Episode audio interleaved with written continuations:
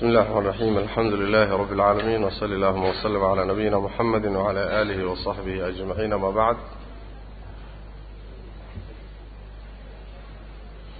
ويقول المؤلف رحمه الله تعالى ويؤمنون بمسألة منكر ونكير على ما ثبت به الخبر عن رسول الله صلى الله عليه وسلم مع قوله تعالى يثبت الله الذين آمنوا بالقول الثابت في الحياة الدنيا وفي الآخرة ويضل الله الظالمين ويفعل الله ما يشاء وما ورد تفسيره عن النبي صلى الله عليه وسلم ويؤمنون وحي الرميسيين أهل السنة والرمينيان بمسألة منكر ونكير munkar iyo nakiir su'aashooda ayay rumaynayaan. Calaa maa habata sida ay sugnaatay bihi isaga alkhabaru xadiidku ku sugnaaday. Can rasuuli illaahi rasuulkana uu kaga sugnaaday sala allahu calayhi wasalam maca qowlihi lala qabo odhaahda uu alla yidhi tabaaraka wa tacaala يثبت الله الذين آمنوا بالقول الثابت في الحياة الدنيا وفي الآخرة يثبت وسغا الله ألي الذين كوا آمنوا الرمي بالقول بكسغا هذلك الثابت إيسغا في الحياة الدنيا الدنيا ذا دحذر وفي الآخرة آخر دحذر وكسغا ويضل الله ألا وحو لمياء الظالمين wayafcalu wuxuuna sameeyaa maa yashaau wuxuu doono iyo wamaa warada wixii soo arooray tafsiiruhu uu soo arooray cani nebiy nebiga uu ka soo arooray sal alla alay waslam wixii aayaddaa ku yimid oo tafsiirka nebiga sal alla alay wasalam iyadana way rumaynayaan masaladan waxa uu ka hadlayaa imaamku imtixaanka au ruuxu ku marayo qabriga. Masaladii ka horreysay wuxuu ka hadlayay cadaabka qabriga. Tanina waxay ku saabsan tahay imtixaanka iyo su'aalaha ruuxa lagu weydiinayo qabriga dhexdiisa. Oo ay weydiinayaan laba malag oo magacooda la kala yidhaahdo munkar iyo nakiir. Su'aalahana way rumaynayaan malaa'igtaas muhimaddaas qabanaysana sidaasay u rumaynayaan. Wuxuu yidhi waa sidaasina waa sida xadiidku ku asaxay oo nebiga kaga asaxay salawaatu rabbi wasalaamu caleyh iyadoo lala qabo weliba aayadda qur'aanka iyo tafsiirkii nebigu ku fasiray sal lla alay slam oo iyaguna kutusaya ee muujinaysa aayaddu inay jirto imtixaanka iyo su'aalaha qabrigu. Waa laba mas'alo mas'alada hore oo ku saabsan qabriga inay su'aali ka jirto axaadiis fara badan baa ku soo aroortay oo uu ka mid yahay xadiidka uu aayadda nebigu ku fasiray sal alla alay wasalam yuthabbit allahu aladiina aamanuu bilqowli athaabit alla wuxuu sugaa dadka mu'miniinta wuxuu ku sugaa hadalkii sugnaa.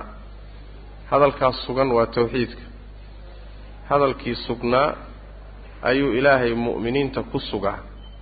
Goormaa lagu sugaa fi lxayaati dunyaa adduunyada nolosheeda dhexdeeda wa fi laakhirati aakharana waa lagu sugaa. Fi lxayaati dunyaa marka adduunka intuu nool yahay ayaa tawxiidka lagu sugaa oo kama inxiraafo waa ku khaatumaystaa. Laakiin aakharana waa lagu sugayaa maxaa laga wadaa qabrigana su'aashiisa waa lagu sugayaa oo marka su'aasha la weydiiyo si fiican buu uga jawaabaya. Sidaasaa laga wadaa tahbiituhu bilqowli athaabiti fi alaakhira macnahaasaa laga wadaa. Nebigaa fasiray sal alla alay wasalam oo wamaa warada tafsiiruhu can innabiy sal lla alay waslam wuxuu ka wadaa xadiidka bukhaari iyo muslim ay soo saareen min xadii min xadiidi bara ibni caazib rasuulku wuxu uhi sal lla alay wasalam ida almuslimu ida su'ila fi lqabri yashhadu an laa ilaha ila allah wa ana muxamada rasuulu اllah muslimka markii qabriga dhexdiisa lagu weydiiyo su'aal la weydiiyo wuxuu qirayaa an laa ilaaha ila allah wa anna muxamadan rasuulu llah cid xaq lagu caabuday inaysan jirin alla mooye maxamedna uu yahay kii alla soo dirsaday. Arrintaasuu qirayaa markii qabriga lagu weydiiyo fadalika kaasina qowluhu waa alla odhahdiisa wa taana macnahaasna aayaddanaa sheegayso yuhabitu allahu aladiina aamanuu bilqowli athaabiti fi lxayaati addunya wa fi laakhira marka fi laakhira waxaa laga wadaa bimacnaa su'aalu lqabri waay ama fitnatu lqabri waay saasuu nebigu ku fasiray sal lla alay slam oo su'aalaha lagu weydiinayo ayuu ka jawaabaya way maanaa si fiican uga jawaabaya ayib aayaddaasi marka macnahaasay kutusaysaa tafsiirkaana nebigaa ku fasiray sal lla alay wasalam in su'aasha qabriga laga wado yani waxa weeyaan aayaddaas macnaha laga wado inuu sidaas yahay. Axaadiis kale oo fara badan baa ku soo aroortay fitnada qabriga iyo su'aalihiisa. Axaadiis badan baa ku soo aroortay oo nebiga ka sugan sal alay wasalam oo in addoonka la weydiinayo maa diinuka man rabuka maa diinuka yani maada tacrif can hada arajul maa cilmuka bi hada su'aalaha in la weydiinayo macnaha yani yaa rabbi kuu ahaa yaad caabudi jirtay muxuu ahaayey maxaa diin kuu ahaa ood raacsanayd mabda-aagiyo diintaadu maxay ahayd yaa ninkan maxaad ka taqaanaa rasuulkaa laga wada sal alla alay wasalam intaa markuu ka jawaabo ba waxaa la leeyahay maa cilmuka bi hada yacani garashadaadii aqoontaada arrinka aada garatay seed ku garatay xageed ka garatay markaasu wuxuu leeyahay kitaabkaan akhriyey qur'aankan ka arkay wahaakada su'aalahaasaa marka imtixaanka yaalla kaa isaga mu'minka marka su'aalahaasi markii la weydiiyo si saaniya oo degan buu uga jawaabaya. Rabbi allah waa tawxiidkii. Nebigana diiniya alislaam buu leeyahay diintana. Ninkan mataqaanaa waa rasuulka nagiyo naloo soo diroon rumaynay waxaa la leeyahay cilmuka wuxuu leeyahay qur'aankaan akhriyey wahaakada markaasaa la leeyahay raaxayso oo nasaa la leeyahay. Qabrigaa loo waasicinaya oo loo iftiiminaya dariishad baa looga furayaa jannada. Halkaasaa la leeyahay marka iska seexo sida ninka arooskaa u seexdoo kale namka nawmi lcaruus baa la leeyahay. Iska seexo iska nasaa la leeyahay. Ayib markaasuu meeshaa wuxuu ka daawanayaa isagoo jan qabriga dhexdiisaba ku barwaaqaysan iyo wuxuu arkayaa haddana barwaaqada midda ka weyn ee jannada u taala markaasuu leeyahay rabbi aqim isaaca rabbi aqim isaaca ilaahu qiyaamada istaaji ilaahu qiyaamada soo dedeji buu leeyahay. Wuxuu rabaa inuu barwaaqadaas u tago. Amaa munaafiqa iyo gaalka iyo ruuxa diinlaawaha isaga su'aalaha markii la weydiiyo afkuu kala qaadaya. Wuxuu leeyahay laa adri. Samictu annaasa yaquuluuna faqultu man rabbuka wuxuu leeyahay dadkan baan maqlay iyo wax sheegahaya oo sidaa le waan iska idhi ma garanayo. Diintaada ma garanayo. Yaani waxa weeyaan nin ninkan maxaad ka taqaanaa ma garan dadka kama yaqaano nebi maxamed sal alla alay slam markaasaa waxaa la leeyahay laa darayta walaa talayta. Waxna ha ogaana waxna ha akriin baa la dhihi markaasaa la tumaya. Madaxa iyo meel walbaa laga garaacaya. Qabrigaa lagu xidhiidhaya meeshaa lagu tumaya naartana dariishad baa looga furaya. Saasaa lagu ciqaabaya marka. Cuquubada marka la marinayo ama abaalka la siinayo waxay ka dhalanaysaa imtixaankaas iyo su'aalahaas la weydiinayo kolba suu uga jawaabo jawaabtuna waxay ku xidhan tahay hadduu ilaahay ku sugo oo ku waafajiyo unbaad ka jawaabi.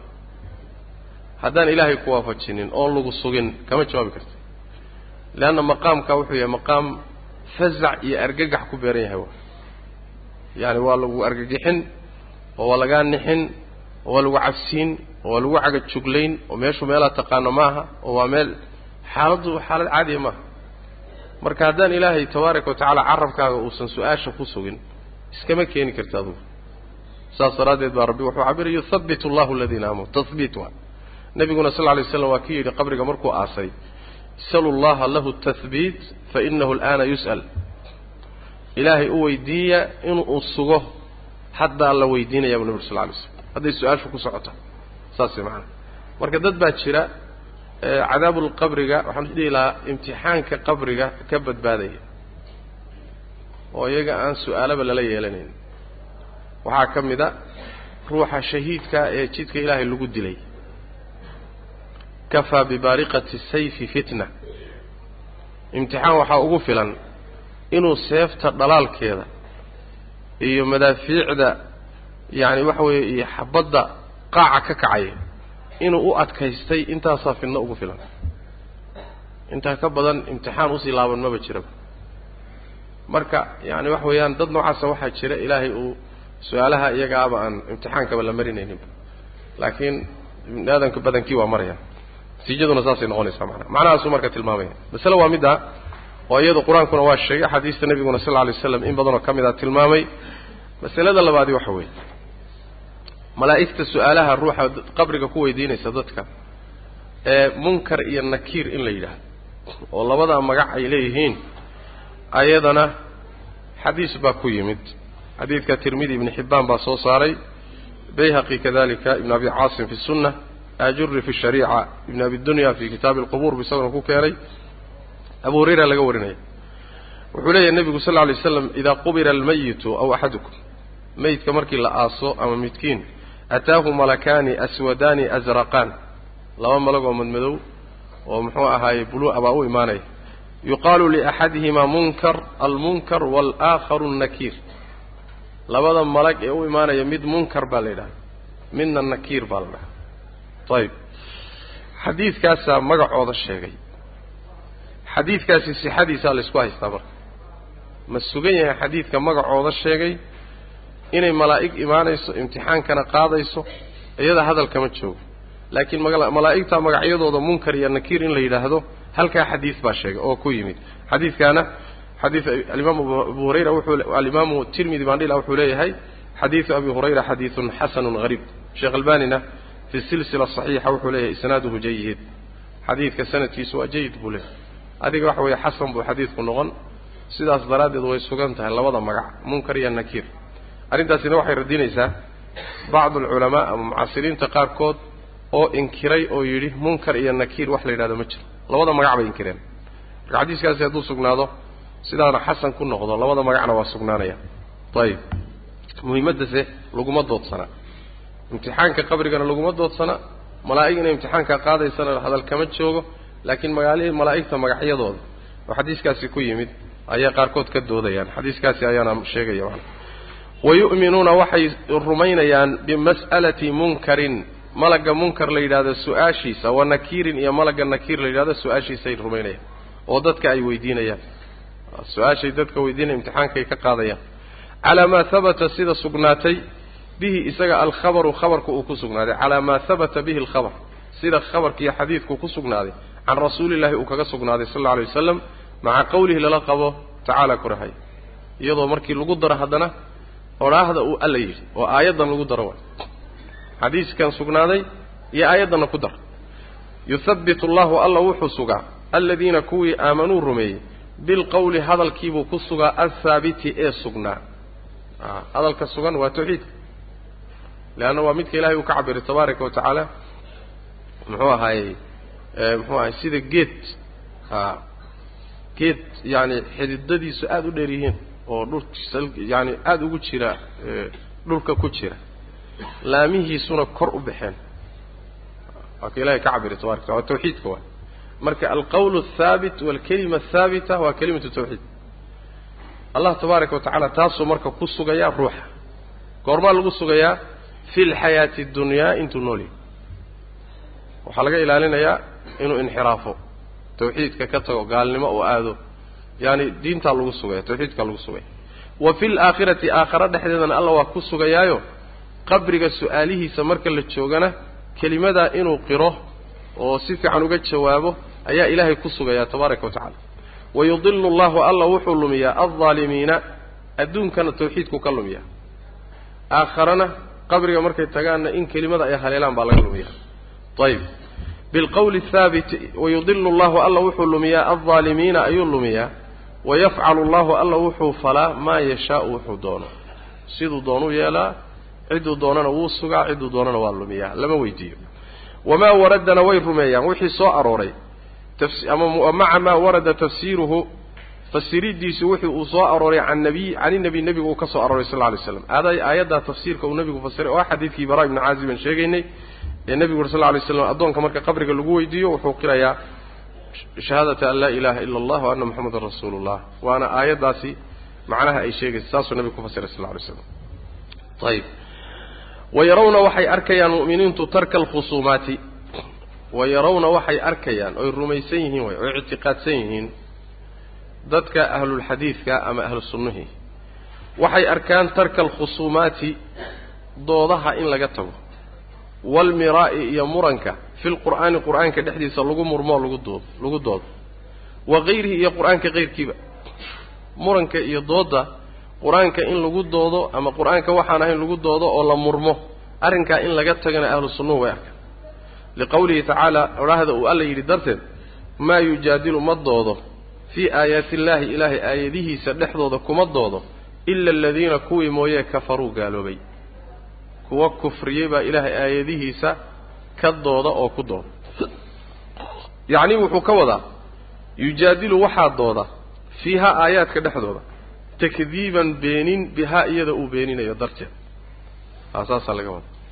Wallahu aclam ilaahay baa xaqiiqada garan laakiin waxaa laga wadaa buu leeyahay ujeeddadu tahay dadka doodaya aayaadka ilaahay ka doodaya iyagoo beeninaya oo diidan oo inkirsan sidaa hadduu ruuxu dood uga keeno waa gaal.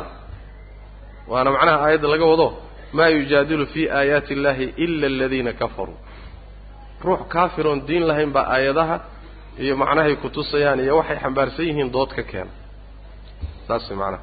Marka dooddaasi xaqa laga doodayo isagoo la inkirsan yahay aayaddu taasi ka hadlaysa laakiin guud ahaanba ahlu sunnaha iyo ahlulxadiidku waxay dhibsadeen oo ay ay muxuu aynan ay diideen waxa weeye waa doodoo dhanba.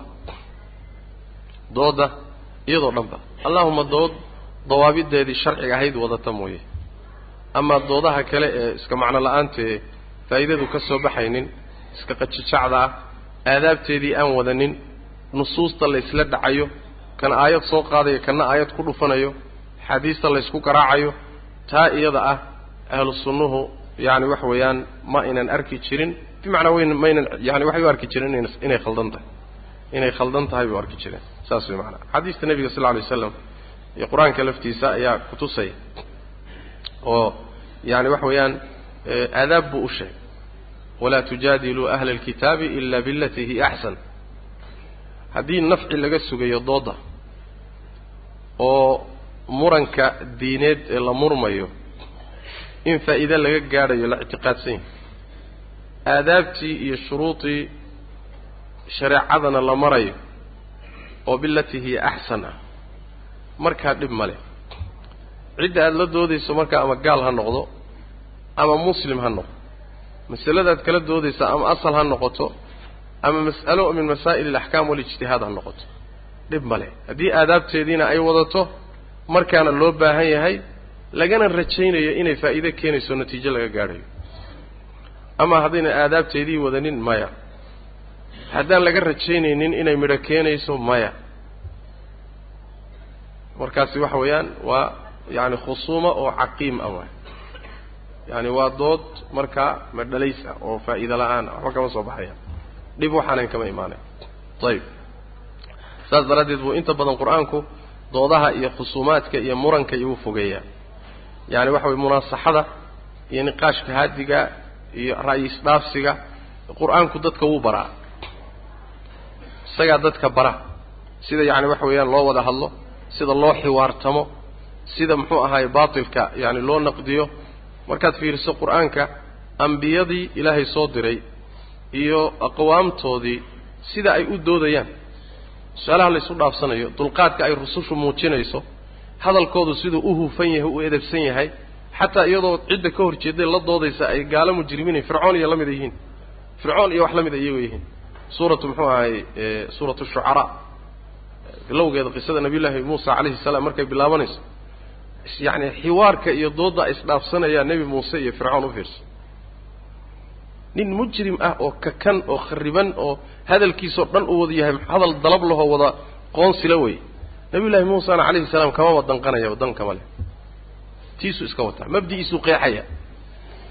Fircoon kolba meel madaxa ku dhufto kol ha hanjabo kol ha caytamo kolba meel madaxa ku dhufto laakiin nebi muuse dankama leh. A lama ficil lama lama wixiisa lama wada laakiin wixiisuu iska wata tiisuu qeexanay. Dooda noocaasa kale marka xiwaartanka edabsan qur'aanku dadku baraa. Laakiin dooda qajijacdaheen macno la'aanta ee aadaab la'aanta een faa'iidada lahayn taa way midda qur'aanku diidan yahay xadiista nabiguna ay ku tumi sal lla alay slam ee rasuulku leh sal lla alay waslam waxaan u ballan qaadayaa guri jannada dhexdeeda ku yaalla liman taraka almiraa'a walaw kaana muxiqan ruuxii dooda iyo muranka isaga taga xataa xaqba ha lahaado. Isagu markaa ha gar lahaadaba ruuxii muranka iska daayay iyo iyo dooda jannada dhexdeeda guri ku yaallaan u damaano qaadayaa buu nebi uri sal lla alay slam maxaa yeelay inta badan haddaad aragto dood iyo muran fara badan inta badan diin la'aan buu ku tusaya. Waa ka nebigu yuhi sal lla alay slam xadiidka fi saxiixi muslim maa dalla qawmun bacda hudan kanuu calayhi maa dalla qawmun bacda hudan kanuu calayhi ilaa uutuu ljadal dadku ma lumaan hanuun markay ku sugnaayeen kadib ilaa markay lumaan waxaa loogu beddelaa hanuunkii dood. Iyagoo hanuunsanaa oo saxsanaa hadday jidka ka leexdaan oo lumaan waxay ku beddeshaan in ay markaasi dood iyo qajishac iyo muran. Saas daraaddeed markii kitaabka iyo sunnada iyo dariiqii salafka laga leexday waxaa meesha soo gashay cilmulkalaam iyo falsafo markaasaa dood iyo qajijaac iyo wakti lumis iyo wareer ilaa raggii fuxuusha ahaayee baabka gale ay ku soo wareereen. Aawe raggii rag ah aawe fakhruraazi iyo shahrastani iyo ghazaali iyo fulaan iyo fulaan aawe. Markay cimrigoodii oo dhan falsafiya cilmulkalaam ku lumiyeen oy soo wareereen aakhirkoodii waxay yidhahdeen diintii habrahaan u soo noqonnay hadda. Caqiidadii habraha. A habarta aan falsafo akhrisanin ee fidrada isaga nool ilaahay baa jiray taaganta. Soo ma? Ilaahay baa jiray. Diinulcajaa'is baan u soo noqonaynaa warkaasaa u dambeeyey sababtu waxa weeyaan jadal mar haddaad gasho meeluu kugula dhammaan doono ma garanaysa a waa yaani doon aan naaquudaheeda adugu aadan ahayn oo balaaya wadato ayaad fuushay waay. Marka doodaa iyo jadalkaasi ma fiicna. Haddaynan yaani qaybtaasi shareecadu soo reebtay in ahayn ma fiicna. Saas maanaa saas daraaddeed alkhaliifatu araashid cumar ibn cabdilcaziiz wuxuu dhihi jiray man jacala diinahu curdatan liljadal waalkhusuumaat akara tanaqul buu dhihi jiray. Ruuxii diintiisa yaani ka dhiga yaani curdo uga dhiga dood iyo muran iyo qajajac ka dhiga. Wuxuu badiyaa gadgadoonka maalinba meel buu tagaa. Saas maanaa dadka un shaqada ka dhigta un dooda iyo muranka. Maxaa soo baxay? Hebel ba hebel radiyey un kutubta lagu doodo basay akriyaan cajaladaha la isku haysta basay raadsadaan. Diin kale ma akristaan wax kalena ma badaneeyaan khusuumaadka iyo doodaa un bay un ka helaan. Say waxaa u daba socdaan maalinba meel buu ka shaacabi marka. Maalin waa khaariji maalin waa murji'i maalin muxuu ahaaye waa muctazili maalin waa sunni maalinba waxa weeye maalinba qoluu la shaahaa akara tanaqul meel kuma sugnaado. Leanna doodahan waxaa badan shubahaadkooda. Shubahaadkooda hadday badan yihiinna qalbiga bini aadamku waa jilicsan yahay marka waxaa la rabaa inaad taxadarkaaga qaadataa la doonaya usuushaa waaweyn inaad ku sugnaato muranka iyo qajacdan la iska wa yarawna waxay arkayaan ahlu sunnuhu tarka alkhusuumaati doodaha ka tegitaankooda walmiraa iyo muranka fi lqur'aani qur'aanka dhexdiisa lagu murmo wagayrihi iyo kayrkiiba liqowlihi caza wajalla uu yidhi maa yujaadilu fii aayaati illahi ila aladiina kafaruu. Nebigu sal alay waslam rag saxaaba wuxuu arkay oo wada hadlaya oo murmaya oo muxuu ahaaye ninba aayad soo dhufsanayo markaasaa nebigu wuxu uhi sal lla alay wasalam sidaa looma soo dejinin. Sidaa looma soo dejinin. Yacni waxa weeyaan in laysku qaraaco qaraaco qur'aanka looma soo dejin. Ee ilahay wuxuu u soo dejiyey tabaaraka wa tacaala inaad rumaysaan wixii idinka qarsoomana cilmigiisa ilaahay u daysaan. Wixii aad fahmi weydaan cilmigiisa ilahay inaad u daysaan. Ayib yacni wuxuu ka wadaa yujaadilu fiiha maa yujaadilu fii aayaati illahi ila aladiina kafaruu. Yacni wuxuu ka wadaa yujaadilu maa yujaadilu fiiha kumadooda aayaadka takdiiban beenin bihaa iyada uu beeninayo ugumadooda ruuxu ilaa ila aladiina kafaruu markaa wallahu aclam. Wayuhbituuna waxay sugayaan ahlu sunnuhu khilaafata abi bakrin ama khilaafata abi bakrin. Abu bakar khilaafadiisa madaxnimadiisa. Bacda rasuuli llahi nebiga gadaashiisa kadib sal ly slam biikhtiyaari asaxaabati saxaabada doorashadooda iyaahu isaga ay doorteen uu khaliif ku noqday meesha wuxuu ka guda galay saxaabada. Leanna waxa weeyaan mabaadi'da ama qodobada usuusha ah ee lagu kala tegay waxaa ka mid a almawqif min asaxaaba saxaabada ruuxu mawqifku ka joogo. Asxaabu rasuli llahi sal ly slam maxaad ka rumaysanta waxay ka mid tahay masaa-ishii ugu horreysay ee firaqu ku kala tageen bay ka mid tahay. Ahlu sunnaha iyo kooxahani ku qaybsameen isku khilaafeen.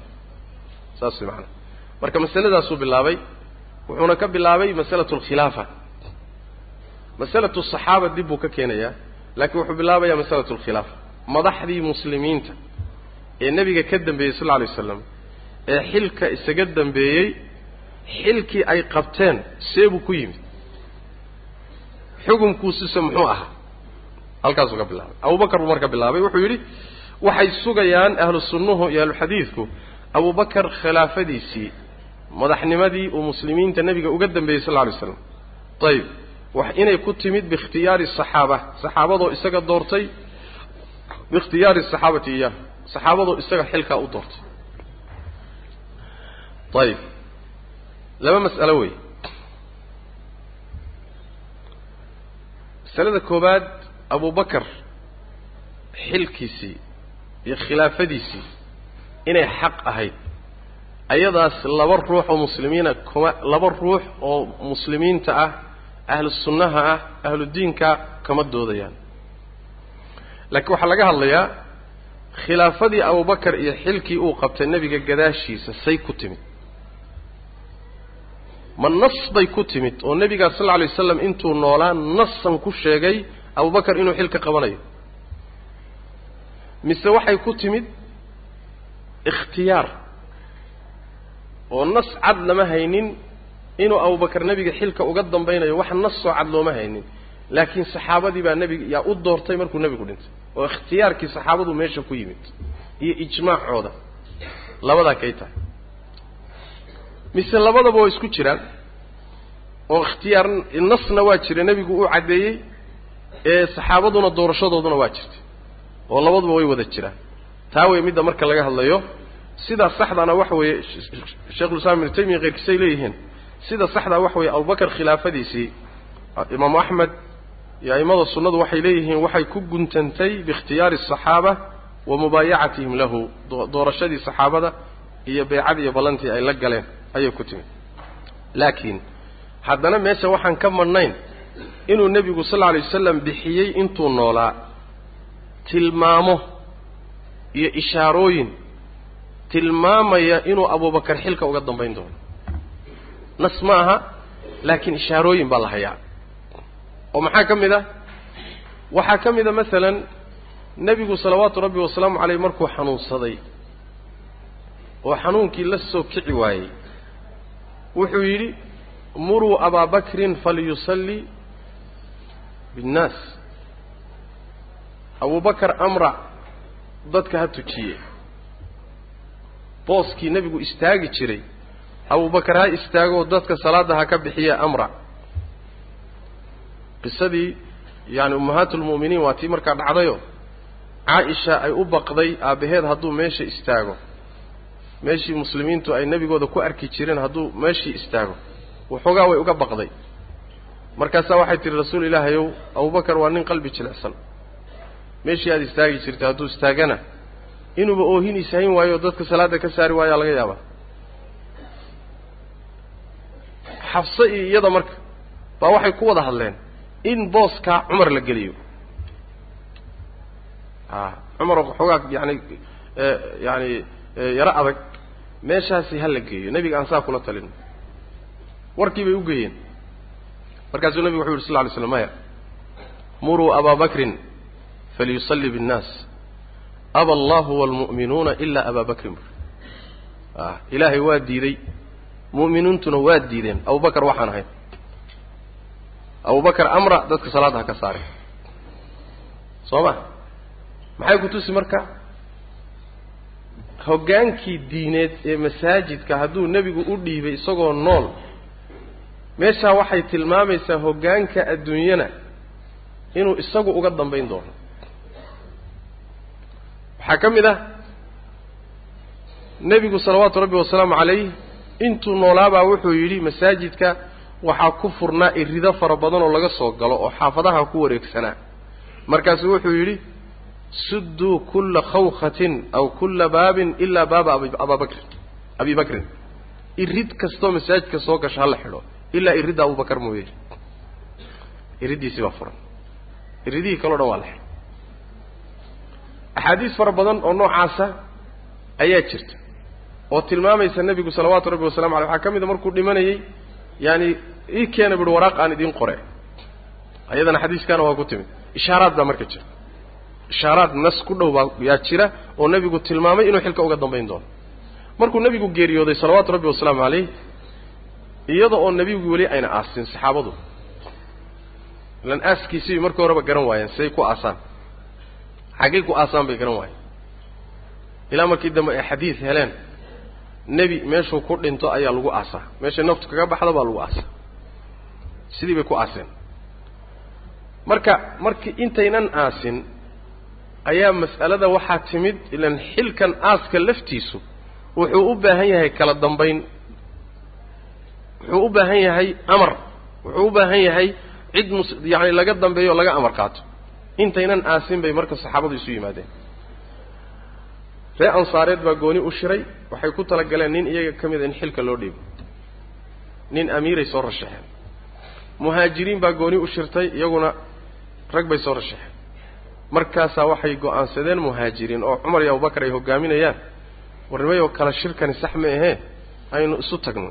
Saqiifatu bani saacida meel la yidhaahdaa la isugu tegey halkaasaa la wada fadhiistay cumar baa abubakar baa istaagay wuxuu damcay inuu cumar rashaxo cumar baa ka boobay hadalkii markaasuu yidhi abubakar cid loo dhiga male ansaare waad og tihiin hadal dheer buu jeediyey. Markaasuu cumar soo ist abubakar soo istaajiyey beecadiiyo ballantii buu la galay. Kulli saxaabadii hal nin iyagoon ka hadhin waa la isku raacay. Sidaasaa xilka abubakar uu ku yimid. Waxaa la hayaa ishaaraad hore oo nebigu bixiyey sal alla alay wasalam iyo ijmaacii saxaabadu markay isu yimaadeen iyagoon hal nin khilaafin ay xilkii abubakar u oggolaadeen oy sidaa ugu dhiibeen. Abubakar marka khilaafadiisu saasay ku timid. Ikhtiyaaru saxaaba asal ah.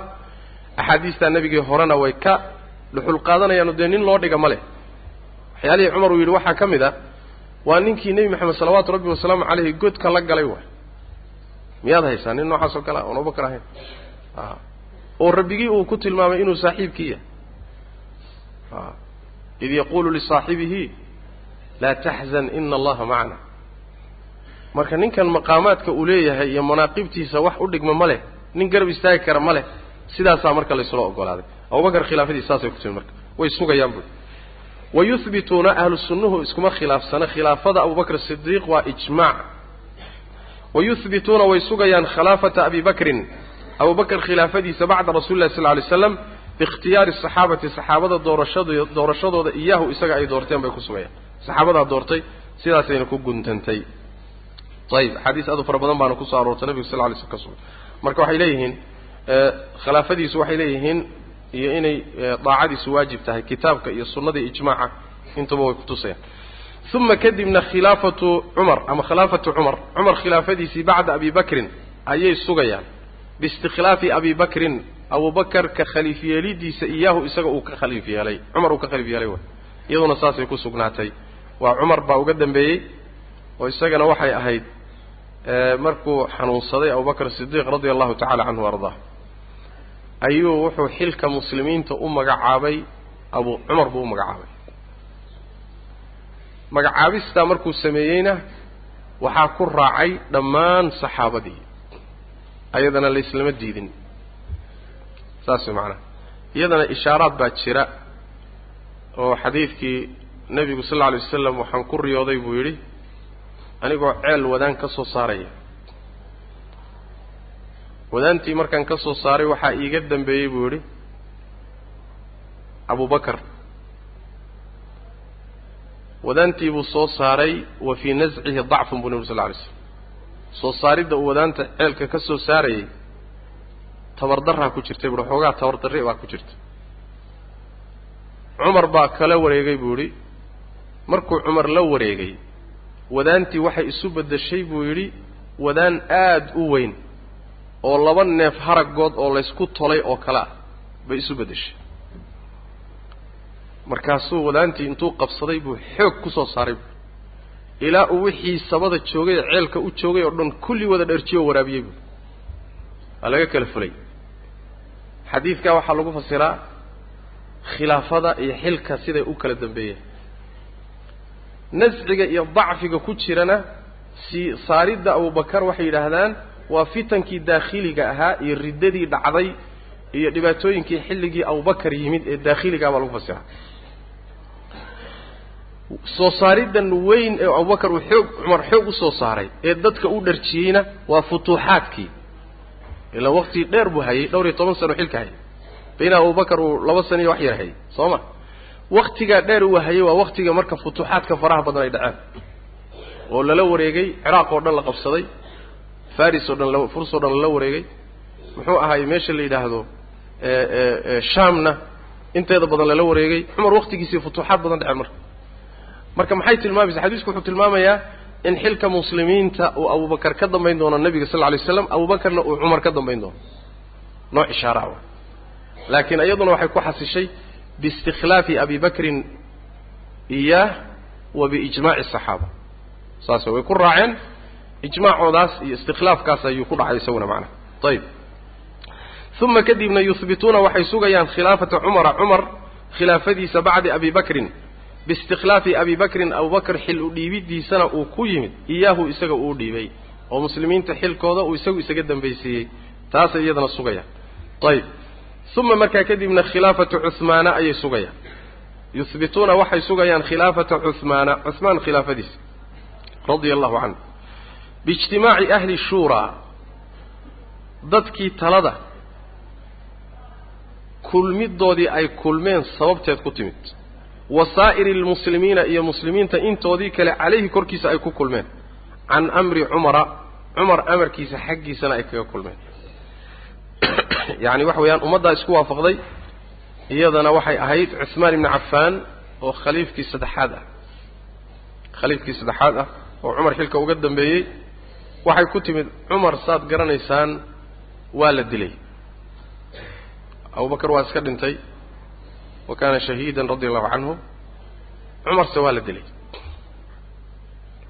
cumar nin addoon ahaa oo muqiiratu bnu shucba uu lahaa ayaa isagoo salaada ku jiro dadka salaada tujinaya ayuu mindi geliyey intuu dadka soo dhex jiidhay soo dhex maray isagoo sii jeeda buu caloosha mindi ka geliyey doorri ka geliyey cumar salaaduu ku jiray yacni waxa weeyaan waa waa qayliyey dadkii waa la isku dhex yaacay. Ninku mindidu mindi laba afla bay ahayd. Markuu ku hubsaday oo caloosha jeexay buu cararay marka. Orarkii ordahayay qabashadii la qabanayay ilaa saddex iyo toban nin oo kale saxaabaa ku dhaawacmay. Oo malaha ay lix kale miyaa dhimatay taqriban mise toddoba meelahaas oo mindidii u dhimatay. Dhaawacaasi markuu gaadhay cumar oo inta la qaaday meel la geeyey oo jal la siiyey cano la siiyey biyo la siiyey oo meeshii duleeshantay ay ka daateen. Ayuu cumar markaa yaani wuxuu hubiyey inuu xaqiiqo noqotay inuu socdo. Markaasuu cumar waxaa lagu yidhi waad xaaladaadu waa culus tahay? Dardaaran oo muslimiinta xilkoodii nin ku wareeji. Markaasaa wuxuu yidhi haddaan dardaarmana nin iga khayr badan baa dardaarmay. Haddaan ka tagana mid iga khayr badan baa saa kaga tegey. Wuxuu ula jeedaa midka ka tegey nebi maxamed salawatu rabbi waslamu caleyh haddaan cid u dhiibana mid iga khayr badan baa u dhiibay oo wuxuu ka wadaa saaxiibkii abubakar markaasuu wuxuu u yeedhay lix nin. Wuxuu yidhi raggii nebi maxamed uu dhintay salawaatu rabbi wasalaamu calayh isaga oo raalli ka ah. Rag agtiisa qaali ka ah bay ahaayeen. Raggii nebi maxamed uu raalli ka ahaa lix ka mid ah oo ragga raggu ugu kalsoonaa abuu soo xushay. Raggaasi marka waxay ahaayeen cuثmaan ibnu cafaan cali bn abi aalib zubayr ibnu cawaam طalxata bnu cubaydillaah sacd ibn abi waqaas iyo cabdiraxmaan bn cawf. Lixdaa nin buu soo soo xushay. Wuxuu ku daray wiilkiisa cabdillaahi ibnu cumar oo uu yidhi isaga tacsiye ahaan ha u noqotee talada waxba kuma leh laakiin ha iskala kin joogo. Waxoogaa tacsiye ahaan buu uga dhigay laakiin talada iyo amarka midna kuma leh lixdaa nin buu marka wuxuu yihi taladii muslimiinta ka tashada ninkaad idinku aragtaanna u dhiiba. Cumar waa geeriyooday marka. Markii geeriyooday bay isu yimaadeen lixdoodii. Waxaa hadlay ninka la yidhahdo cabdiraxmaan ibni cawf. Wuxuu yidhi lix baynu nahay. Lixdeenna ninba nin ha u tanaasulo lixdeenna lix isma garab ordi kartee bal hor tirada aan yarayne lixdeedna ninba nin ha u tanaasul saddex ha tanaasusho saddex ha soo hadho. Zubayr baa yidhi aniga waan tanaasulo cali baan u tanaasulay. Dalxaa yidhi waan tanaasulay oo cuثmaan baan u tanaasulay buuri sacd ibn abi waqaas baa tanaasulay oo cabdiraxmaan baan u tanaasulay buuri cabdiraxmaan ibni cawf. Yaa isku soo hadhay marka? Cuثmaan iyo cali iyo iyo cabdiraxmaan ibni cawf. Cabdiraxmaan ibni cawf baa wuxuu yidhi saddexeednaa soo hadhay soo maha yaan jaga rabin oo xil inuu qabto aan rabin saddexdeenna ama labadiinna oo hawsha aan u dhiibnaa oo ninkii noqon lahaa khaliifka soo saara. Labadii oday waa cuثmaan iyo cali way aamuseen. Cabdiraxmaan wuxuu yidhi marka aniga ii ogolaada anaa idinkala rajixiye aniga ii ogolaada meesha anaa tanaasulaya ma rabo laakiin ii ogolaada waa yahay baa la yidhi. Yeel ma i yeelaysaan waxaan soo saara haa cuثmaan buu gooni ula baxay wuu dhaariyey. Ballan buu geliyey adag. Ciddii aan magacaabo inaan ogo inuu oggolaanayo hadduu cali soo saaro haddii nin kale soo saaro inuu raalli ku noqonayo cali bin abi aalib buu gooni ula baxay sidoo kale ballan buu geliyey labadoodii markuu meel ku hubsaday ayaa waxaa la yidhaahdaa wuxuu dhex galay saxaabadii muhaajiriintii ansaartii ilaa guryaha dumarkuu la tashaday baa la yidhahda wuxuu isu garab dhigayaa ma cali mise cumaan cali mise cumaan si u waday u waday u waday waxaa u soo baxday dadka badankood inay cumaan wataan. Sidaasuu marka intuu u yeedhay buu cumaan magacaabay marka calina beecadii buu galay. Sidaasay ku timid marka khilaafadii cuثmaan ibni cafaan radia allahu tacala canhu arda. Kadibna saxaabada intoodii kale ummadda intoodii kalea ballantii galay oo beecadii galay waa laysku raacay marka iyada. Wax khilaafa kama noolayn. Sidaasuu marka isaguna muddo dheer xilka ku hayay cuثmaan ibni cafaan radia allahu tacala canhu arda. Ayib khilaafadiisu marka saasay ku timid. Maxay ku timid? Biijtimaaci ahli shuuraa dadkii talada loo dhiibay kulmidooda wasaa'iri lmuslimiina iyo muslimiinta intoodii kole ayaa waxay ku kulmeen oo ku ijtimaaceen calayhi korkiisa can amri cumara. Cumar amarkiisa xaggii oo cumar muxuu amarkiisu ahaa? Cumar ma dhihin isagu cuثmaan doorta. Soo ma? Cuثmaan doorta ma dhihin. Laakiin wuxuu bixiyey ragga uu ugu talagalay inay magacaabaan. Raggaa nin ka mida inay madaxa ka dhigaan. Marka talada iyo qorshaha iyo raggan talada dhiibayay iyo raggan go'aanka gaadhaya cumar baa iska laha amaa soo saaridda cuثmaan cumar ma lahayn? Ee raggii waxaa lahaa cabdiraxmaan baa lahaa oo qaabkaa basilada ufursa u farsameeyey. Cabdiraxmaan ibni cawfin isaguna saxaabaduu ka helay.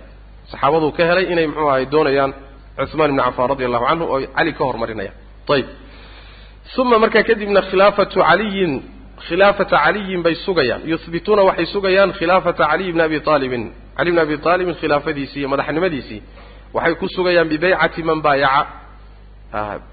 Bibeycati man cid beycadiisay ku sugayaan. Baayaca la mubaayacooday cali oo min albadriyiina raggii beder ka qayb galay. Ah camaar ibni yaasira wa sahl ibni xunayfina iyo waman tabicahumaa iyo intii raacday oo min saa'iri asaxaaba saxaabada intoodii kale ah maca saabiqatihi lala qabo horumaridiisii islaamka uu soo horumaray wa fadlihi iyo fadligiisa lala qabo. Yacni fadli iyo horumar waa lahaa. Leanna wuxuu lahaa dadkii ugu horreeyey nebiga rumeeyey sal lla alay slam soo ma? Dadkii ugu horreeyey buu ahaa. Yacni waxaa la waxaa la isweydiiyaa abubakar maa ka horreeyey khadiijo maa ka horraysay laakiin waxaa la isla ogol yahay dhallinyaro marka la yidhahdo cali baa u horreeyey wax nebiga rumeeya salawatu rabbi wasalamu caleyh xagga dhallinyarada. Marka saabiqiyuu lahaa fadlina waa lahaa. Fadlina waa yani mawaaqif iyo manaaqib waxaa jira khaas ku ah oo nebigu sal alay slam uu tilmaamay. Isagoo taale ayaa haddana waxa uu xilkiisu ku yimid iyo khilaafadiisu waxaa la mubaayacooday oo u dhiibay xilka saxaabada weliba kuwoodii ugu fadli badnaa badriyiintii. A ree beder yaani dagaalkii beder raggii ka qayb galay rag khaasay ahaayeen. Ilan duulaankii ugu horrey dagaalkii ugu horreeyey nebigu galabu ah. Salawaatu rabbi waslamu caleyh rag yarna waa ahaayeen. Saddex boqol iyo dhowr iyo toban iyagoo ah baa waxay la dagaalameen ciidan kun ah. Tobantoon iska yarta. Rag marka waxay ahaayeen ilaahay taskiyey bay ahaayeen. Xadiidkii xaatib bin abi rubtaca qisadiisi baad garanaysaan. Waa kii yaani nebigu yidhi sal lla alay waslam miyaadan ogeyn cumarow in ilaahay intuu daalacday ree beder uu ku yidhi waxaad doontaan sameeya waan idiin dembi dhaafaya marka beder raggeedii ayaa beecada la galay saxaabadii kalea ku raacay saasuu ku yimi adiga waxay ahayd iyadana cuثmaan ibni cafaan radia allahu tacaala canhu ardaah markuu muddo hayay xilka muslimiinta ayaa waxaa samaysmay kacdoon. Kacdoonkaa waxaa ka dambeeyey niman yahuud ah oo islaamnimada isku dhex qarinaya cabdullahi ibnu saba nin la yidhahdo oo isticmaalay xeelad la yidhaahdo aalu beytkii baa la dulmiyey. Cali bni abi aalib baa xilkan lahaa oo laga qaatay. Nebiga aalkiisii buu ahaa. Qaraabadii nebigaa la dulmiyey. Siyaasad noocaasuu bilaabay. Meelaha inuu masar iyo dhulkaa iyo baadiyaha wax ka soo abaabulayo tuulooyinka dadkii inuu ku qanciyo. Muxuu ku qancinayaa? Wuxuu ku qancinayaa cuhmaan meesha khalad buu ku joogaa waxaa kaloo dhacday iyadana dad cuhmaan wax ka tirsaday. Oo uga tirsaday yacni waxa weeye qaabkuu xoolaha u maamulay iyo qaabkuu mas'uuliyaadka u maamulay oo uu ku saxsanaa. Oo uu ku saxsanaa ijtihaadaadkiisa ahayd ayaa dadkii looga faa'idaystay waxaa la abuuray marka kacdoon dadka laga hor keenayo cuhmaan niman marka masar iyo meelaha laga soo abaabulay baa soo kacay. Magaalada madiine yimaadeen cuhmaan bay la kulmeen khaliifkii muslimiinta. Waxyaalahay sheeganayeen ee tirsanayeen buu kala hadlay. Wixii buu ka dhaadhiciyey. Wax wax fahmay bay iska dhigeen way noqdeen. Dhexda markay si sii socdaan baa haddana inta abaabul kale lagu kiciyey baa waxaa yaa la soo gediyey haddana way soo noqdeen. Cuhmaan oo fadhiya meeshiisii uu ka maamulahay muslimiinta ayay u yimaadeen. Xisaar bay ku sameeyeen isweerkay ka qabteen way go'doomiyeen kadibna meeshiisay ugu soo galeen. Xilka ka deg bay dheheen xilka ka deg isdhiib. Xilka dhiib bay dheheen cuhmaan marka wuxuu haystaa dardaaran nebigu la dardaarmay sal lla alay slam oo uu ku yidhi haddii lagu yidhaahdo cuhmaanow qamiiskaaga fur ha furin. Qamiiskaaga siib haddii lagu yidhahdo siibin buu ku yidhi. Muxuu ka wadaa qamiiska xilka waay. Cuhmaan radia allahu tacala canhu wa ardaah waa diiday. Wixii kale sheeganaysaan sheegta laakiin xilka idinku maydaan dhiibanine ma dhiibayo ku yidhi. Ayib saxaabadii madiina oo raggii reer badri badriyiintii akhyaartii oo cali uu ka mid yahay ayaa damcay in ay cuhmaan difaacaan. Oo ay dagaalamaan. Cuhmaan wuxuu ku yidhi laba ruux oo muslimiin ah aniga sababteyda dhiiggooda u daadan maaye faraha ka qaado haddaad amar iga yeelaysaan magaalada ha soo dhaafina. Sababtay laysu dili maayo anigaa lay dilo. Cuhmaan radia allahu tacala canhu ardaa si kasta ula hadlay warnimayaho miyaan zinaysto ma zinaad ii dilaysaan maya. Ma islaamkaan ka baxay maya. Maxaad igu dilaysaan oo igu maaganti adugu markii dambe way dileen. Meeshii bay ku dileen radia allahu tacala canhu arda cuhmaan markii la dilay oo nimankaas huwaartii ay dileen ayaa markaa kadib saxaabadii madiine ay isu yimaadeen waa la kulmay. Cali bn abi aalib baa marka la caleemo saaray oo xilkii loo dhiibay beeca lala galay. Masaladaa way masaladu tilmaamaya marka bayc bibeycati man baayaca min albadriyiin. Saxaabadii madiine joogo badriyiintii akhyaartii saxaabada ah ayaa markaa baycada la galay oo xilka u dhiibay muslimiintii kalena waa ku raaceen. Saas maana ayib ahlu sunnuhu marka waxay sugayaan uma khilaafati caliy bni abi aalibin bay sugayaan. Bibeycati man baayaca bay ku sugayaan. Ciddii la mubaayacootay beycadiis oo min albadriyiin ah camaar ibnu yaasir wa sahl ibni xunayfin waman tabicahuma iyo ciddii raacday oo min saa'iri saxaabati saxaabada intoodii kale. Ah maca saabiqatii lala qabo horrayntiisi islaamka u soo horreeyey wa fadlihi iyo fadligiisi lala qabo. Dee wuuna mudnaaba ficlan. Wuu mudnaa oo ninka afraad khaliifka afraad inuu noqdo arrinuu istaahilay ahay uu qalmo iyadana khilaafadiisa la islama diiday reer shaam oo mucaawiya hogaaminayo ilaan xilligii cuhmaan ibnu cafaan ayuu shaam ka telin jira oo guddoomiye ka ahaa mucaawiya. Cuhmaan markii la dilay oo xilka uu cali qabtay reer shaam cali mayna ku qabsanin inuu khaliifkii muslimiinta yahay. Xilkana mayna ku haysanin. Laakiin waxay ka doodayeen oy lahaayeen caliyow dhiiggii cuhmaan ilaan cuhmaan dhalasho ahaan way isxigeen. Reer beni umayey wada ahaayeen. Cuhmaan iyo mucaawiye iyo baa isxiga. Qoladan reer beni haashim waayo cali bn abi aalib iyo yaani nebiga sal lla ly slam tirkiisa waay laakiin iyagu reer kale ku yimaadaan. Marka mucaawiya iyo raggiisu waxay lahaayeen cuhmaan dhiiggiisii raggii galay oo daadiyey ayaa caliyow ciidankaaga ka mid ah. Ilaan hubaartii markii dambe cali markuu xilka qabtay ciidankii bay iska dhex galeen oo dadkii bay ka tirsan yihiin. Mucaawiye marka waxay ku doodayeen raggan gacan ku dhiiglayaasha ha la soo qabto. Dhiiggii cuhmaan meel ha la saaro. Annagu markaa kadib baan beecada gelaynaa. Kuguma haysano xilka. Inaad khaliifkii muslimiinta tahay kuguma haysano laakiin waxaan ka doodsannahay dadkan soo qabo. Calina wuxuu lahaa oo dooddiisu ay ahayd war arrintu waxay u baahan tahay bal horta dawladdu inay caga dhigato beecada soo gala. Ha la midoobo dawladdu ha israacdo. Jaanis ha u hesho dembiilayaasha ay ku baadho. Ilan yaa gacan ku dhiigla ahaa yaa kaalmo gacan ka geystay yaa dilka lahaa waa arrin xaqiijin u baahan soo ma? Ummad wad dad wada socday ahaayeen.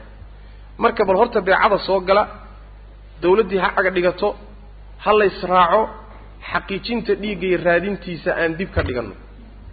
Iyo maya eh ilaa aada mee meel saarto dhiigga cuhmaan iyo ciddii gashay annagu beecada ma gelayno meesha waxoogaa ay mas'aladu iska dabamartay oo laysku seegay halkaas ah waxaan saa u leeyahay dad badan baa waxay moodayaan markay akhriyaan qisaska arrintaa ku saabsan iyo taariikhdaa markay akhriyaan waxay moodayaan mucaawiya inuu xilka ku haystay cali. Oo reer shaam aynan ogolaaninba khilaafadii cali saasay u qaadanayaan mase ah. Reer shaam khilaafada cali way ogolaayeen kamana ayna muransaneen laakiin meesha laysku maandhaafay halkaas ah kadibna waa midii keentay dagaalkii jamal. Saxaabo badan ku baabeen. Dagaalkii sifiin ee ka dambeeyey. Arrintaasaa keentay oo muxuu ahaayey? Iyada lafteeda dadkii huwaarta ahaayee balaaye qabayaasha ahaa ee cusmaan dilay oo ciidanka ku jira ayaa xataa dagaalka dagaalladaasi inay dhacaan sabab u ah. Heshiis baa la gaadhay waa la isku soo dhawaaday kadibna amin uun hameyn ah ciidamadii iska agdhow unbay xabadda bilaabeen. Xabad ma jirine seef iyo dagaal iyo wixii unbay waaba kan ba ciidanka isku fakay. Oo ciidanka hadduu isku fakaday yaa wax ka qaban karaa ciidan isku fakaday. Oo baashii bilaabatay oo la isdhex galay war kala joogay miyay soconaysa waa inuu horta meel laysa saaro waayo markaa unbaa la soo miyirsa marka ilaa halkaas nimankaasaa fidnadaa waday saxaabada ridwaan ullahi calayhim arrintaa iyadae dhex martayna ayadana waa u tegi doonaaye waa arrin ayadana ijtihaadkeeda leh oo duruufteeda leh oo asbaabteeda leh. Xukumkeedu wuxuu noqon doonayo mawqifka laga istaagayana insha allahu tacala waa ka hadli doonaa. Laakiin muhimmadda aan hadda u keenay waxa weeyaan reer shaam walaa muslimiinta kale toona. Cali bni abi aalib khilaafada muslimiinta inuu khaliifkii muslimiinta yahay dood kamayna qabin waa la isku waafaqsanaa macana ayib wayaquuluuna waxay leeyihiin ahlu sunnuhu bitafdiili asaxaabati saxaabada fadiilidooda aladiina kuwaasoo radia allahu canhum ilaahay ka raalli noqday liqowlihi oo dhahdiisa darteedu alla yidhi laqad radia allahu cani lmu'miniina id yubaayicuunaka taxta ashajara markuu saddexdooda khilaafadooda sheegay. Horta tartiibka khilaafadu inay sidaas tahay waa ijmaacu salaf waay. Ijmaacu ahli sunna inay sidaa u kala xaq lahaayeen xilka ay isaga dambeeyeen bay isku waafaqsan yihiin yani awla annaas bilkhilaafa abubakar buu ahaa. Bacdahu ninka ugu mudan cumar buu ahaa. Ninka ugu mudan bacdahu cuhmaan buu ahaa. Ninka umudan ugu mudan gadaashoodana cali buu ahaa. Sidaasi tartiibkaas inay xaqi tahay oy sax tahay way isku waafaqsan yihiin mas'ale kalaa jirta meeshaas oo ka yara duwan oo ah waxaa jira khilaaf saabiqoo hore oo cinda salaf jiray xagga fadliga marka la yidhaahdo ma cuhmaan baa fadli badan mise cali baa fadli badan? Taa waa xaggee waa xagga fadliga. Amaa xagga khilaafada inuu cuhmaan ka horreeyo ka mudnaa taa iskumay khilaafsana laakiin khilaaf saabiqaa jira oo bacdu salaf ama bacdu ahlisunna waxay hormarin jireen cali bn abi aalib xagga fadliga.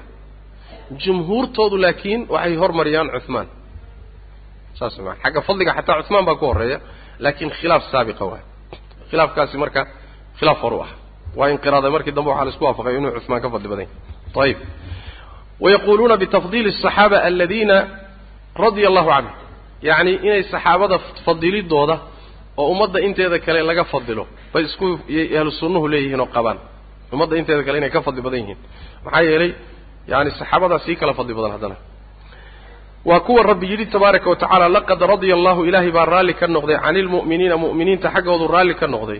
Id waqti buu raalli ka noqday yubaayicuunaka ay kula mubaayacoonayeen oo kula ballamayeen. Taxta ashajarati geedda hoosteeda ay kugula ballamayeen. Ragga meeshaasi waa ahlu baycati ridwaan baa la yidhahdaa. Ahlu baycati ridwaan waana beecadii dhacday sannadkii lixaad heshiiskii xudaybiya. Sanadkuu dhacay. Soo ma heshiiskii xudaybiya sanadkuu dhacay yay nebiga la galeen. Waxay ku timidna wuxuu ahaa markii xudaybiye la tegey oo nebigu sal alay xudaybiya waa maka agteeda waay. Nebiguna uu u socdo sal lla alay waslam cumro u socdo dagaal uusan u socon. Meesha markuu tegey quraysh way u diiday odayaashoodii way diideen inuu nebigu sal lla alay waslam cumraysto carabay ku sheekaysan maysay dhaheen maxamed intuu yimid oo cumray gutay oo dawaafay uu iska noqday. Kuuma ogolin bay dhaheen. Markaasaa waxaa dhex maray in ergooyin laysu diro. Raggii uu nebigu diray waxaa ka mid ahaa cumar buu damcay inuu diro. Cumar waxoogaa waa cudur daartay meeshaa waa laygu dhaamaa buu yidhi. Cuhmaan baa igu dhaamaa buu yidhi. Nebigu cuhmaan buu diray sal lla alay slam cuhmaanoo u tag buu yidhi quraysh waxaadna u sheegtaa inaanan dagaal u soconin. Beytkaa ilaahay baan u socdaa inaan dawaafay oon cumraystee ha ii ogolaadaan warkaa iga gaadhsiiya cusmaan waa tegey. Odayaashii reer quraysheed buu maka ugu tegey. Muhimmaddii buu u sharxay. Waxaa timid marka. War baa yimid oo nebiga soo gaadhiyay saxaabada la leeyahay cusmaan waa la dilay. Cusmaan waa la dilay markay timid ayaa nebigu sal lla alay waslam wuxuu go'aansaday hadday cusmaanba dileen ergadii dileen inuu la dagaalamo. Saxaabadii buu geed hoostii ku kulmiyey markaasuu bilaabay inuu la galo bayco. Ballan la galo. Ballantaasi maxay ahayd? Waa baycatu lmowt inay dhimanayaan. Ama waa baycatu cadami alfiraar inaysan cararaynin.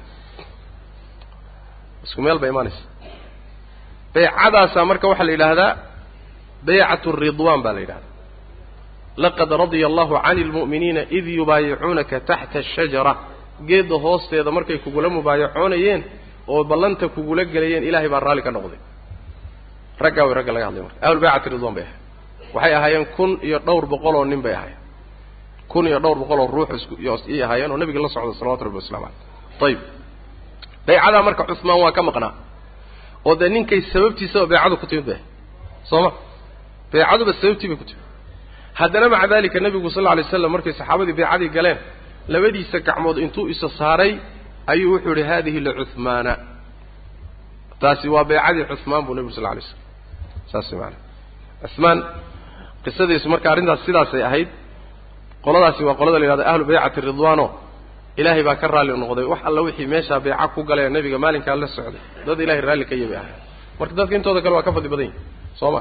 Raggii dib ka soo islaamay dib ka yimaad waa ka fadli badan ayib wayaquuluuna waxay leeyihiin ahlu sunnuhu bitafdiili saxaabati saxaabada fadilidooda aladiina kuwaasoo radia allahu alla uu raalli ka noqday canhum xaggooda liqowlihi tacaala laqad radia allahu cani lmu'miniina id yubaayicuunaka taxta ashajara iyo wa qowlihi ilahay odhaahdiisa darteed uu yidhi waasaabiquuna kuwii horreeyey waasaabiquuna kuwii hormaray alwaluuna ee cid walba ka soo horreeyey oo min almuhaajiriina waalansaari ah iyo waladiina kuwa itabacuuhum raacay biixsaanin wanaag ku raacay radia allahu ilahay baa raalli ka noqday canhum xaggooda saddex baa laga dhigay ayib saabiqiinta alawaliinta waa dadkii ugu soo horreeyey islaamka qaata waay oo ah muhaajiriin waa ree maka iyo dadka la midka iyo ansaar waa ree madiina waxaa saddexeeya waaladiina itabacuuhum biixsaan iyo dadka qoladaa hore wanaag ku raacay mu'miniintu waa intaa ilaahay baa raalli ka noqday saddexdaaba ayib wuxuu sheekhu rabaa marka inuu ku yidhahdo waman ahbata allah marka muhaajiriin iyo ansaar waa la gartay waaladiina itabacuuhum biixsaan yayihi waa wax alla wixii mu'miniin ah ee muhaajiriintii ansaarta jidkoodii mara oo gadaal ka yimaado ilaa qiyaamadu intay ka imaanayso waaladiina itabacuuhum biixsaan bay gelayaan. Meeshaa maxaa baxaya marka? Ninkii aan dariiqii muhaajiriintiiyo ansaarta marin midkaasi ma tirsana. Soo ma? Mu'miniinta laguma tirin. Dadka ilahay u raalli ka noqday mu'miniinta waa un saddexdaa muhaajiri ansaari iyo labadaa jidkoodii ruux wanaag ku maray. Waladiina itabacuuhum biixsaan. Waa qolada la yidhaahdo waaltaabiciina lahum biixsaanin xadiiska nabigana waa ku sugan tahay sal alay slam sunnaday ku sugan tahay asal ahaan ayib maxaa yeelay alimaamu axmed wuxuu soo saaray can mujaashic bni mascuud wuxuu ka soo saaray inuu nebiga u yimi sal alay slam wiil buu nebiga u keenay mujaashic baa wiiluu dhalayo nebiga u keenay si uu ugula mubaayacoodo cala alhijra inuu hijroodo inuu ballan kula galo markaasuu nebigu wuxu uhi sal alay slam laa hijra ma jirto bal yubaayicu cala alislaam islaamnimo ayuu ballan ku geliya oo beecada ku gelaya. Maxaa yeele fa inahu laa hijrata bacda alfatxi maka markii la furtay kadib hijra ma jirto. Wayakunu min altaabiciina biixsaan a wuxuu noqonayaa dadka wanaagga ku raacay dariiqii muhaajiriinta iyo ansaarta. Soo ma?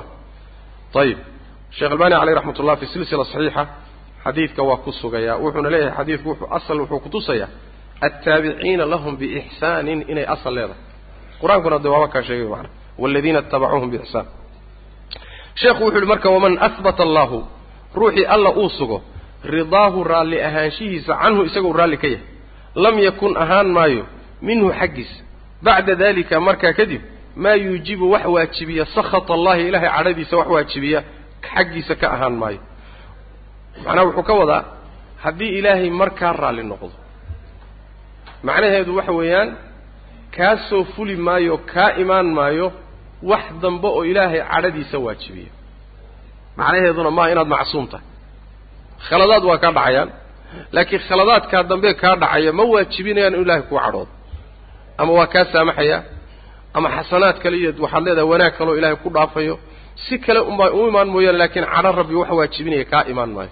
Marba hadduu ilahay raalli kaa noqdo ayib walam yuujab lama waajibinin daalika arrinkaa oo ilaahay ridihiisa liltaabiciina taabiciinta looma waajibinin ilaa bisharti alixsaani a wanaajin raacidda ay wanaajiyaan shardigaasaa iyaga ridaha loogu sugay.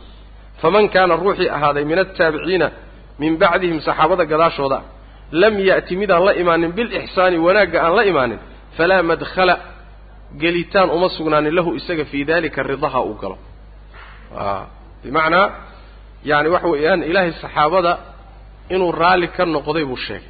Saxaabadii nebiga sal ly slam oo iyaga shardi laguma xidhin. Soo ma? Muhaajiriin ansaar. Laakiin dadka kale ee iyaga aan ahayn maxaa lagu xidhay? Waaladiina itabacuuhum biixsaan soo ma? Shardigaas alitibaac biixsaan raacid si wanaagsan ay ku raacaan. Shardigaa haddii laga helo ilaahay iyagana raalli uu ka yahay laakiin haddii shardigaa la waayo laa madkhala lahum fii dalika ridaha ilahay madkhal male marka meelay ka galaan male soo ma? Marka dadka ilahay raalli kaya waa saddexda. Muhaajiriin ansaar iyo dad wanaag jidkoodii ku raacay. Qoladaa dambe marka si aad u gasho waa inaad shardigii hesho. Muxuu yahay shardigu? Alitibaac biixsaan alitibaac biixsaan dariiqoodii inaad marto si wanaagsanna ku marto. Masaladaa marka wuxuu sugayaa oo hadda ka yani tilmaamaya saxaabada nebiga sal lla alay wasalam kii khaldamay iyo kii muxuu ahaayey aan khaldamin iyo kii fadligiisu siyaada yahay iyo kii kaleba mar hadduu saxaabi yahay mar hadduu saxaabi yahay ilahay rabaa raalli kaa ardadii nebi maxamed salawatu rabbi waslamu caleyh waxyaalihii ay galeen ama dembi khaasa ha noqo ama mid caama ha noqo khaladaadka ay galeenna waxaa garab yaalla wanaaggii ay qabteen baa boqol goor ka badan. Waxaan wax loo dhigaba la helayn inay nebi maxamed ardo u noqdeen. Manqabo la mida maba jirtaba. Sidaas daraaddeed baddaa weyn ee aada u ballaadhan ee xasanaadka ee wanaaggii ay leeyihiin baa sayi-aadkii khaladaadka ka dhacayaay ay ku dhex lumayaan. Saas macanaa sidaasaana ilaahay ridihiisii baaqi ugu ahaanaya in badanoo ayaga ka midana khaladaadka ay galeen ijtihaadi bay ahayd. Kaba soo qaad masalan hadda dagaalkii dhex maray oo kale oo dhiig badan ku daatay oo saxaabo badan lagu laayay ijtihaadi buu ahaa. Nin walba wanaag doon buu ahaa khayr doon buu ahaa. Islaamku yani waxa weeye muxuu ahaaye siday la noqotay. Siday la noqotay. Sidaasoo kale markay noqoto intuu ruuxu isagoo ehel u ah ijtihaado. Ijtihaadku la khaldamo. Dembi ma leh wixii ka khaldamayn ilaahay waa u dhaafayaa ijtihaadkiisiina ajir buu ka siinaya hadduu intuu ijtihaado uu saxmana laba ajir buu leeyahy ida ijtahada alxaakimu fa akhطa'a falahu ajrun. Wain ijtahada faasaaba falahu ajran. Saas maanaa midna ajru lijtihaad buu leeyahay mid kalena wuxuu leeyahy ajru اlijtihaad iyo ajru lisaaba labadaa ajir buu isqaadanaya marka asxaabu rasul lah sal l sl wixii dhex maray saasuu ah sidaasaana lagaga gaabsanaya. Waa kii xadiiska nebiga xasanka ahaa ida dukira asxaabii faamsikuu waida dukira alqadaru faamsikuu qadarka markii la sheego afgaabsada a soo reebta. Saxaabadayda marka la sheegana gaabsada oo soo reebta. Saas maana macnaheedu waxa weeyaan labada qolo ee yaani ee dagaalamayey sax cali bn abi aalib dadka qolada la socotaa gar lahayd ficlan. Oo taa axaadiistaa tilmaamaysa. Bisa camaar miyu xadiis wayxa camaar wayxa camaar taqtuluhu alfi'atu albaaqiya soo ma? Iyo xadiiskii kale xadiis baa tilmaamaysa inuu cali gar lahaa. Haddana maca dalika dagaalkaasi dagaal nebigu amray ma ahayn bal fitnu ah. Labada kooxood ee dagaalamaysa iyadoo midi ay gar leedahay buu haddana xarbu fitna noqon karaa marka ma saxsanayn. Haddana maca dalika labadoodu iskumayna sinayne cali baa gar lahaa. Ree sham waa laga gar lahaa ficlan. Laakiin ha laga gar lahaadee ma dembiilayaal bay ahaayeen. Maya ee mujtahidiin bay ahaayeen ijtihaadkooday ajir ku leeyihiin waase laga saxsanaa. Intaasi nusuustaa kutusaysa waana sax. Intaa wixii ka sii siyaasan in la galo oo saxaabada qaar la xukumo oo qaar la lacnado oo qaar la habaaro oo qaar la gaalaysiiyo oo lagu fogaado waxyaalihii dhex maray taa iyada ah waa ay ahlu sunnuhu ka digeen. Usuusha ahlu sunna waxaa ka mid a alimsaak cama shajara bayna asaxaaba in laga gaabsado wixii saxaabada dhex maray. Sax dagaalka nebigu ma amrin sharciguna ma amrin. Saas daraaddeed buu nebigu sal lla alay waslam joojinta dagaalka iyo dhammayntiisa heshiis lagu dhammeeyo ayuu nebigu aada u soo dhaweeyey salawatu rabbi waslamu caleyh a ina bnii hada sayid wiilkaygani waa sayid xasan buu ka hadlay. Xasan ibn cali bin abi aalib wiilkaygani waa sayid wasayuslixu allahu bihi bayna fi'atayni cadiimatayni min almuslimiin. Ilahay wuxuu ku heshiisiin doonaa sababtiisa laba kooxood oo muslimiin oo aada u waaweyn oo dagaalamaya u fiirsa marka maxaa lagu ammaanay inuu dagaalkii dhex yaallay muslimiinta sabab u noqday soo afjaridiisa. Hadduu yahay dagaalku dagaal ammaanan wadidiisuna ay fiican tahay. Dhammayntiisa laguma ammaanan ninkii dhameeyey soo saas ma. Marka dagaalku ma ammaanayn. Ma ammaanayn. Gelidiisuna ma ammaanayn. Dhammayntiisa iyo soo afjariddiisuna ammaan iyo wanaag bay ahayd. Haddana maca daalika raggii uu dhex maray dhammaantood mujtahidiin bay ahaayeen. Haba kala xaqa ha u kala awlaysnaadeen macnaha. Sidaasay masaladu marka tahay maa shajara bayna asaxaaba halkaasaa lagaga gaabsanaya.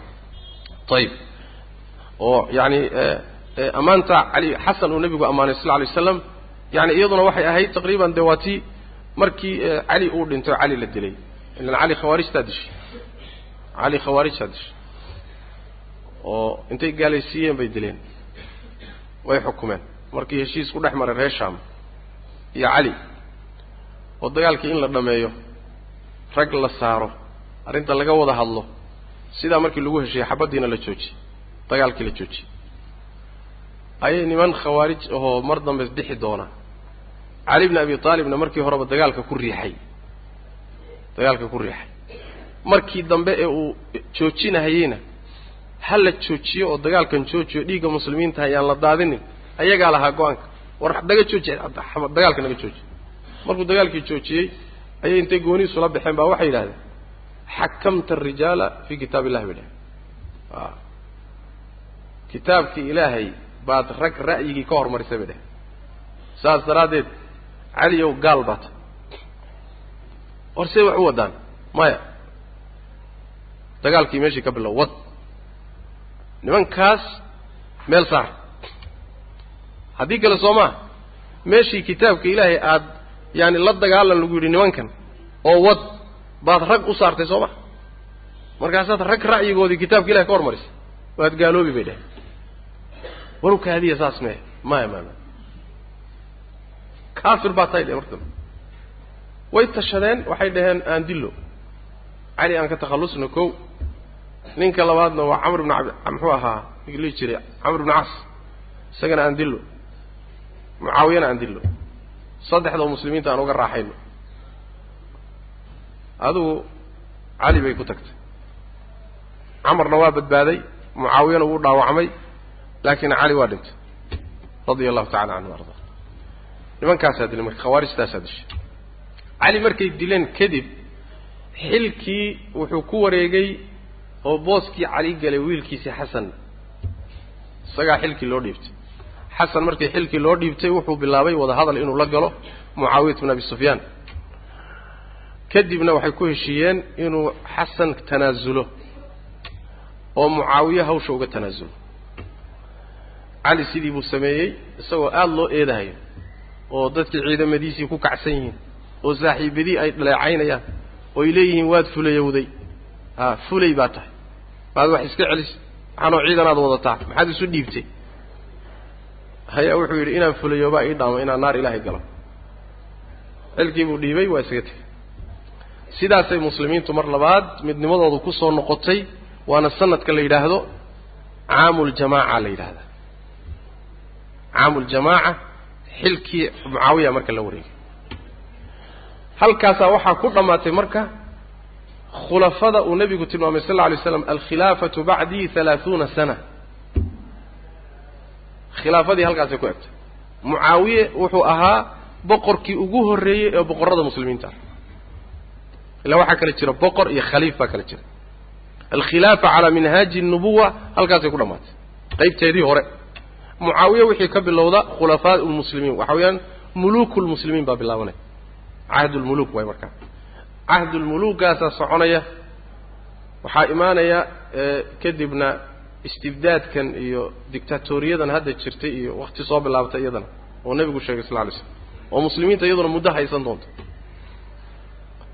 ayadaasina way dhammaan doontaa waxaa ku xigi doonta oo dambaysoo soo socota alkhilaafa calaa minhaaji nubuwa khilaafad dariiqii nebiga ku socota oo tii nebigu ogaa ah ayaa mar labaad muslimiinta dib ugu soo noqon doonta waa tan hadda aan rajaynayno insha allahu tacala oo ay gobol xaadhka u tahay baraaruga muslimiinta iyo soo noqodkooda diinta ay u soo noqdeen hordhac waay.